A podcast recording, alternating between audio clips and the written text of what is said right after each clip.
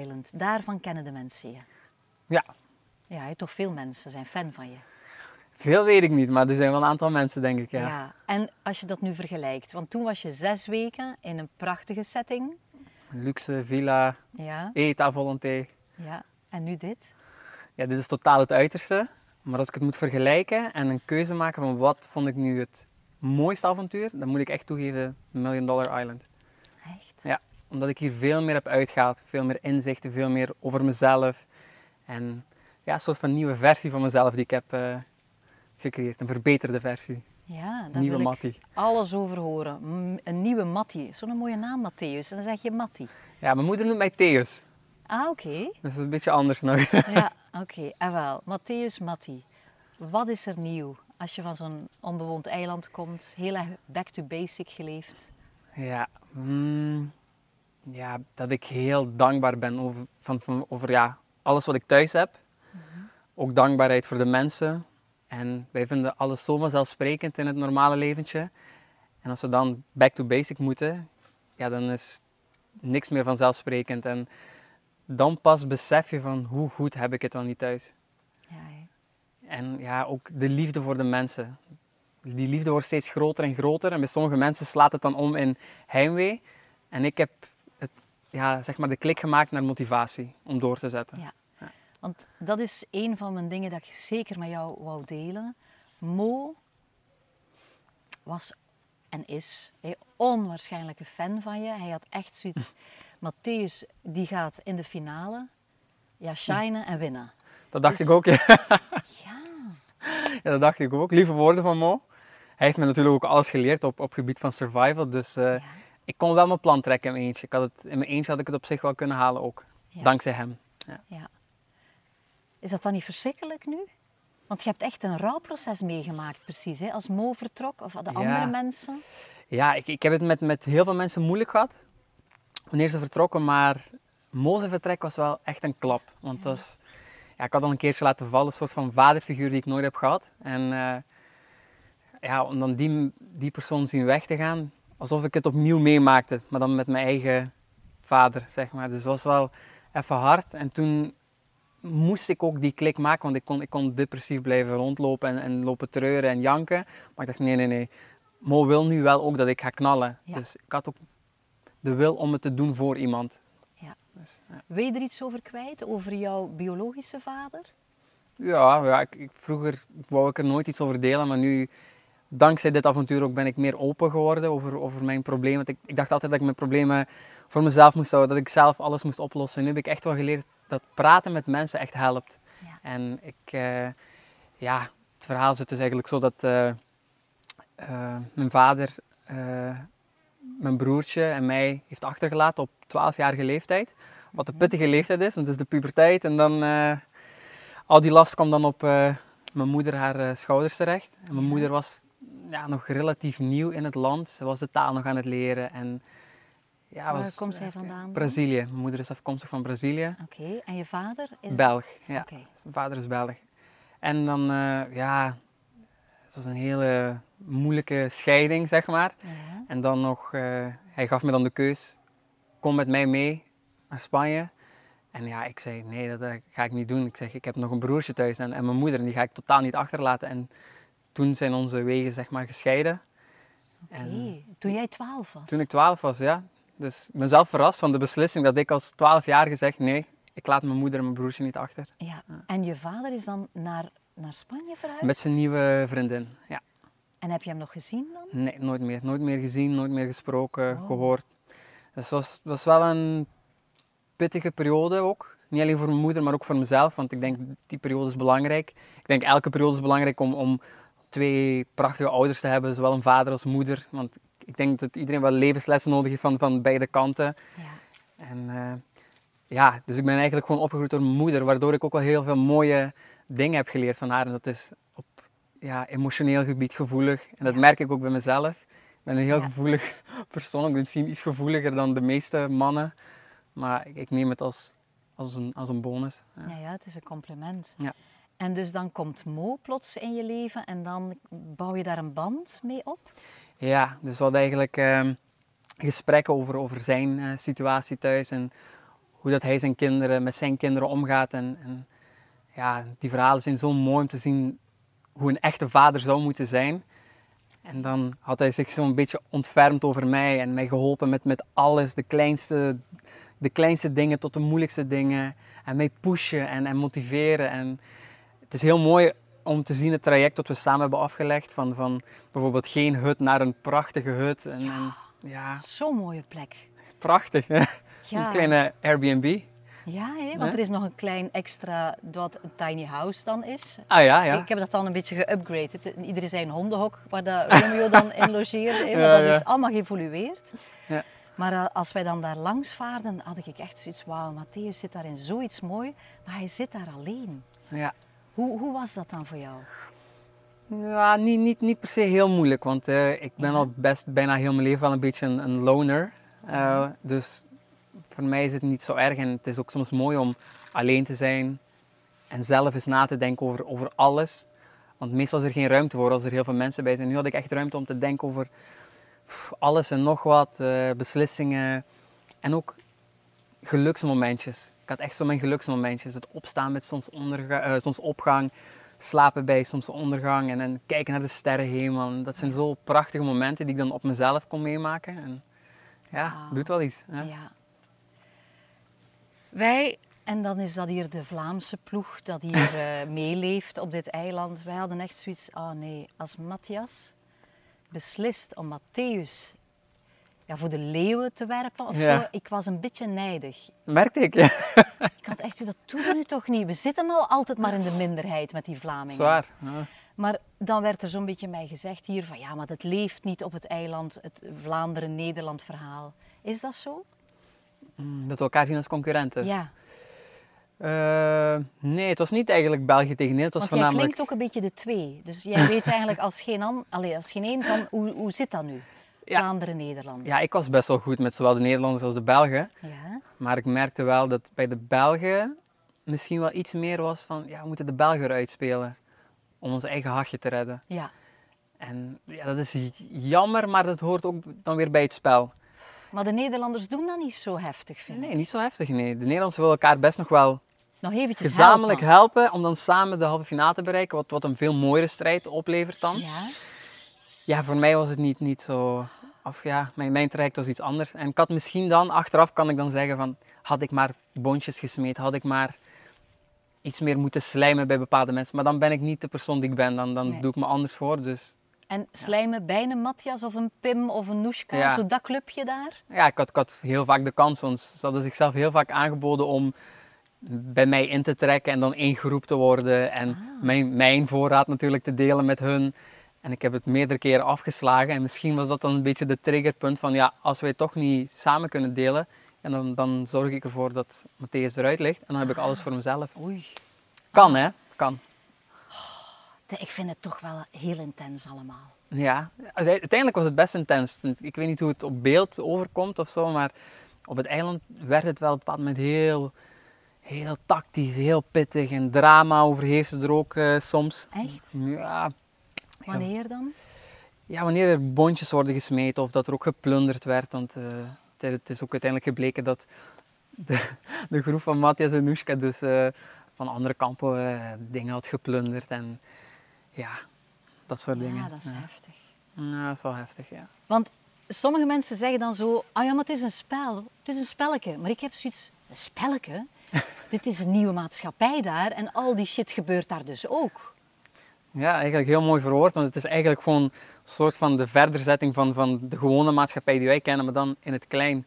En dan zijn er ook de mensen die het ehm, op een heel eerlijke manier willen spelen. De mensen die het eerlijk spelen, maar dan met een tactisch inzicht. En sommigen die ja, niet eerlijk spelen, die zijn er ook.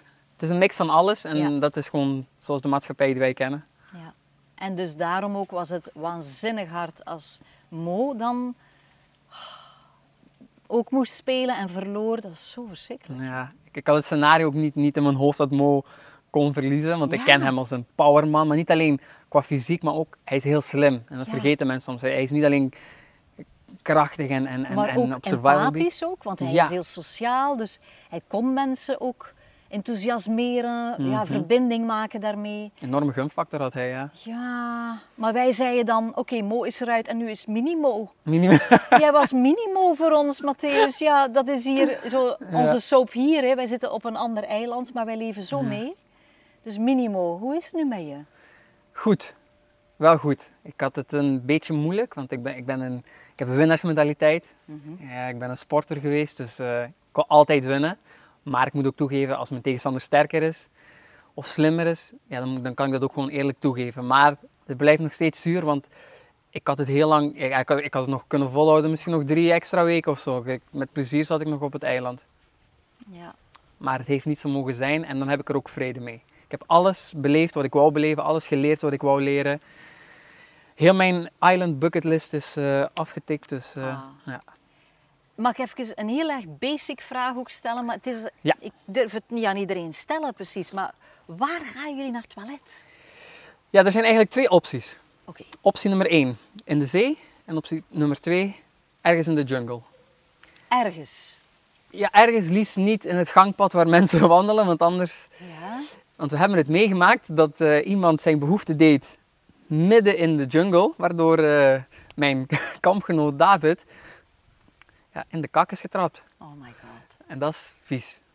Ja. Dat is En heel hebben jullie dat wc-papier en zo? Nee, geen wc-papier, niks. We moeten het doen met eh, bladeren en dan moeten we hopen dat er geen rode mieren op zitten, want anders gaan die nog eens extra prikken. Ja. Eh, ook heel lekker trouwens, mieren. Ik zou, dat is echt een aanrader, Oh delicatesse hier. Ja, dat heb ik ook ergens gehoord, maar dat kan toch niet? Ja, toch wel. Ik heb het uitgetest en ze hebben verschillende smaken, dus het is een soort van verrassingseffect. Eentje die, die proeft naar citroen, de ander naar kastanje, de ander niet lekker. Maar wacht, hè, want ik ben nog altijd een beetje van de bewoonde wereld op dit moment. Ja, Matthäus, moet je die dan eerst doodknijpen en eet je ze dan? dat, ja. Dus het is belangrijk om eerst te knijpen en dan de mond. En er zijn er die naar kastanje proeven. Kastanje, ja. Maar ik ben, de fan van, ja, ik ben meer fan van die citroenmiertjes. Ja. En is dat dan eh, van honger dat jullie dan die mieren eten? Honger. Of voor de sensatie zo? Ik denk sensatie om het toch eens meegemaakt te hebben. Maar ik weet niet wie de gek is die als eerste dit heeft uitgetest, want dat moet ook een speciale geweest zijn. maar eh, ja, en dan, en dan ja, willen we ook proberen het uiterste van... Ja, we moeten heel veel principes aan de kant laten als we eens op het eiland zijn eh, en alles uittesten. Ik heb ook slakken gegeten, wat helemaal uit mijn comfortzone is. Dus we moeten wel experimenteren op het eiland. Ja, en ben je nooit ziek geweest dan? Nee, ik heb echt geluk gehad dat ik nooit ziek ben geweest. Ja. Want sommigen die, die hebben vaak moeten overgeven, dus, eh, of diarree gehad of eh, noem maar op. Ja. Oké, ja, maar sorry dat ik even zo van die hele praktische vragen ook stel, maar Dat ik denk, ik heb nu Matthäus bij me, ik moet het nu allemaal weten. Oké, Ehm, dus mijn, mijn, ja, belangrijk dat ik, allee, in mijn beleving wou ik zo graag, het is nu echt een biecht hè, Ja. toen jij moest spelen, wou ik je zo graag zeggen, want ik heb dat dus ook gespeeld met Dennis. Wij, wij testen Ah, die ja, ja, ja. spelen uit. En Dennis had mij gezegd, kijk, als ik met mijn jongste dochter op zo'n wipplank zit, Mhm. dan ga ik met al mijn gewicht dicht bij de as zitten, in het midden. Mm. En, en dan kan ik zo'n beetje anticiperen voor dat lichtgewicht dat zijn dochtertje is. Ja. Dus hij zegt, eigenlijk is het geheim, je moet de zware gewichten in het midden hangen. ja, nu klinkt het logisch. Hé, van balans. Ja. Dus hij zegt dat tegen mij, ik win dat spelletje. En dan was hij helemaal, was hij, ja, nog altijd een Met beetje... zijn tactiek eigenlijk hem afgemaakt. Ja, en dus ik dacht, ik moet dat aan iemand zeggen. En ja, wij willen dat de Vlamingen er toch wel in blijven. Niemand zegt het, maar ik denk het en ik zeg het luidop. Dus wou ik je dat zeggen, maar het mag niet. Het mag Nee. niet, want we mogen ja, niet vals spelen. Wij toch niet. Nee, het zou ook niet eerlijk zijn. Ik zou ook een raar gevoel hebben gehad dan, om zo te winnen. Maar ik dacht, ik ga het telepathisch zeggen tegen Matthäus van... Mijn brein functioneert maar op 20%, dus Is het waar? ja. Hoezo? Ja, dat is heel raar, maar ik kom zo tot rust ook daar, dat, dat gewoon een bepaalde helft van mijn hersenen gewoon stilvallen en eh, Oh. niet meer hoeven na te denken. Dat is ook is fijn. Anders is het een heel druk en eh, chaos in mijn hoofd. Ja, En nu was het de rust en mijn linkerhelft zei, oh nu ga ik even eh oud, maar... andere helft. Ja. En dus dan kom je vanuit die staat naar die balans en daar staan dan letters op en gewichten die dan niet kloppen met de grootte en de Ja. afmetingen. Hoe verwarrend was dat dan? Ja, het was, het was in het begin zeker verwarrend. En toen, toen we de uitleg kregen, was het iets... Ja, het was het wel duidelijk wat we moesten doen. Maar achteraf gezien klinkt het gewoon zo logisch. En ik denk, als ik misschien niet zo lang op een eiland had gezeten en gewoon thuis zat en dit spel voorgeschoteld kreeg, had ik wel echt het besef van, oh ja, logisch nadenken, zwaar gewicht in het midden voor de balans en de, de, de lichtgewichten aan de buitenkant. Ja. Heel simpel. Maar op het eiland is niks simpel. Op het eiland, Nee. logisch is niet logisch, dus ja. Ah, het is dat dan. Nee, nee, en alle begrip, maar natuurlijk, ja, de beste stuurlui staan aan wal, zeggen ze dan. En die zitten Ja. aan te kijken, allee, Matthäus, kom aan. Ja, ik had, ik had er een paar die Jan zei, ja, Echt? ja. Bij het afscheid, zei die Het dat? afscheid, oh, kom aan Matthäus, kom aan. Maar ja, het is, het is soms moeilijk hoor, om in een eh wedstrijdsituatie te zitten. Er komt een heleboel druk bij kijken. En, en Ja. normaal gezien ben ik wel iemand die druk van me makkelijk kan afduwen. Maar ja, soms kan een spel meteen liggen en sommige niet. En dit was een spel wat mij niet, direct al niet lag. Ja, ja, het is dat. Met de diamanten heb ik, ben ik er nooit in geslaagd. Oh nee, ik ook niet. Dat zou ik ook nooit kunnen. Dat is zo, dus het, het is soms echt wel heel moeilijk. Oké, eh, de Vlamingen zijn al weken in de minderheid. Ehm, wie gaat er winnen? Van de Vlamingen of eh, ja, dit, de, dit hele spelletje hier. Het hele spel. Ehm, goh, ik denk Mout heeft wel een eh, sterke positie nu. En ik denk niet dat iemand Mout nog gaat kunnen inhalen. Dus Mout is sowieso een van de finalisten. Er moet een Belg zijn. En als ik dan voor een Belg moet gaan, ook qua gevoel en ook uitgaan van sterkte, dan denk ik Daria. Ah. En ehm, En waarom denk ik- Daria? Omdat ze dan dat moeilijke spel gewonnen Ze heeft? heeft het moeilijk spel gewonnen, maar ze is niet alleen fysiek sterk, maar ze is ook nog eens slim. En ook een, een heel empathisch meisje, heel sociaal, dus dan gun ik het daar ook nog wel. Dus ze heeft eigenlijk alle capaciteit om, om het spel te kunnen winnen. En als derde zou ik toch, zou ik toch moeten gaan voor nog een Nederlander. Ik denk een Nederlander uit Oceans 11, denk ik. Zie, dat is ons probleem, hè. Echt, hè. Dat is ons probleem. Wij, Komt ervan, hè? Al die Belgen eruit spelen. Ja, dan... Ja, maar wij creëren dat toch? Het kunnen toch ook drie Belgen zijn, of niet? Moet er echt een Belg en een Nederlander Ja, in de finale? Er moet een Belg en een Nederlander zijn, ja. Daarom is het een co-productie eigenlijk. Van Eigenlijk, een. Nederlandse televisiezender en een Belgische. Ja, en ik snap misschien wel waarom. Ik, dacht, ja, ik had eerst een raar gevoel, ik dacht van, maar het kan toch iedereen zijn? Het hoeft toch, in principe kunnen het zelfs drie Ja. Nederlanders zijn of drie Belgen, maar En Misschien op zich dat kunnen we het niet manipuleren, toch? Hoe gaan ze dat dan doen? nee, maar misschien dat er toch nog iets is van, ja, maar wij zijn wel Nederlanders, we moeten wel samenwerken. En dan snap ik misschien wel iets van deze regel, deze toepassing. Dus ik, ik, ik, ik begrijp het wel. Het is misschien een goede regel, maar het maakt het dan weer lastiger voor de Belgen, want de Belgen willen de Belgen eruit spelen. Terwijl dat we ook kunnen zeggen twee Belgen en één Nederlander Dat- in de finale. Dat had ik liever. Maar dat zou toch kunnen? Dat ligt toch gewoon in ons systeem, dat wij niet chauvinist genoeg zijn? Ja, ik denk niet dat het gaat gebeuren. Ik denk de Belgen gaan elkaar proberen allemaal eruit te spelen totdat er nog maar eentje overblijft. Maar wij verzwakken onszelf daardoor. Ja. En toen Matthias jouw naam zei, dacht ik, maar niet doen, don't go there. Nee, nee, nee, het kunnen ook twee Belgen en één Nederlander in de finale Ja. zijn. En geloof je echt niet dat Mout nog op een of andere manier niet in de finale geraakt? Want ook dat is een idee, hè? wij zijn dat aan het Hmm. creëren zo. Goh, zo, moet- zo, het is heel moeilijk denk ik nog. Het, Ja. zou, het zou misschien het, volgend, het spel moet er dan iets heel geks gebeuren om, om Mout nog in te halen. Dus dan moeten alle hoogste bandjes ingegooid worden. Ja, Ik denk dat ze niet durven. Omdat ze te dicht in de finale staan, halve finale, durven ze niet meer. ja. Dus ik denk dat angst, Mout het gaat halen. ja die angst is zo gruwelijk. Ja. Ah, Oké. Waar gaan wij Matthäus in de toekomst nog zien? Want je hebt grote ambities. Ja, ik heb wel een aantal leuke dingen die ik wel... Die ik wel eh, Je hebt ongelooflijk veel volgers, dat moeten we er toch even bij zeggen. maar mag altijd meer, mag altijd meer. Ja. Ja. ja. En wat is, het, wat is jouw droom of wat wil je nog realiseren? Een beetje hetzelfde wat ik hier heb meegemaakt eigenlijk. Een soort van mensen durven meenemen uit een comfortzone. Mensen zijn heel, voelen zich heel veilig en, en, en comfortabel in hun comfortzone. En ik denk dat de mooiste dingen juist uit de comfortzone kunnen ontstaan. Dus wie weet komt er wel iets in een aard van een programma of, of, of een, eh, weet ik veel, wat, wat wel leuk zou zijn om mensen eens uit hun comfortzone mee te trekken en gek, gekke avonturen aangaan. En de meeste mensen hebben een bucketlist thuis en ze willen die altijd maar groter en groter maken met dingen, terwijl het eigenlijk de bedoeling is om die bucketlist kleiner en kleiner te maken. Is de bedoeling dat al die dingen worden ja, voldaan en niet dat achteraf mensen spijt hebben, had ik maar dit gedaan of had ik maar dat gedaan. Oké. Het, het zal me wel iets leuk lijken. En ook gewoon verhalen horen van andere mensen. Me laten inspireren door andere mensen. Misschien andere mensen inspireren door dit verhaal, dit avontuur. Dat mensen Ja. zeggen van, hé, hey, zoiets het zou wel doen. tof zijn dat je met al die mensen een bucket, bucketlist af, afwerkt. Het zou echt top zijn, ja. Dat- Want jij moet mee dan, hè? Ik ga mee, natuurlijk. Ah, ja. En dan ben je en een bekende Nederlander, en een bekende Vlaming, en een bekende Belg. Ja, Ja. dat zou toch kunnen? Dat zou wel mooi zijn, ja. Als ik, als ik mensen daarmee kan helpen en, en mezelf ook iets van... Ook mezelf weer uit die comfortzone halen en mijn Ja. angsten durven aan, aangaan. Dat zou top zijn, ja. Ja, wauw.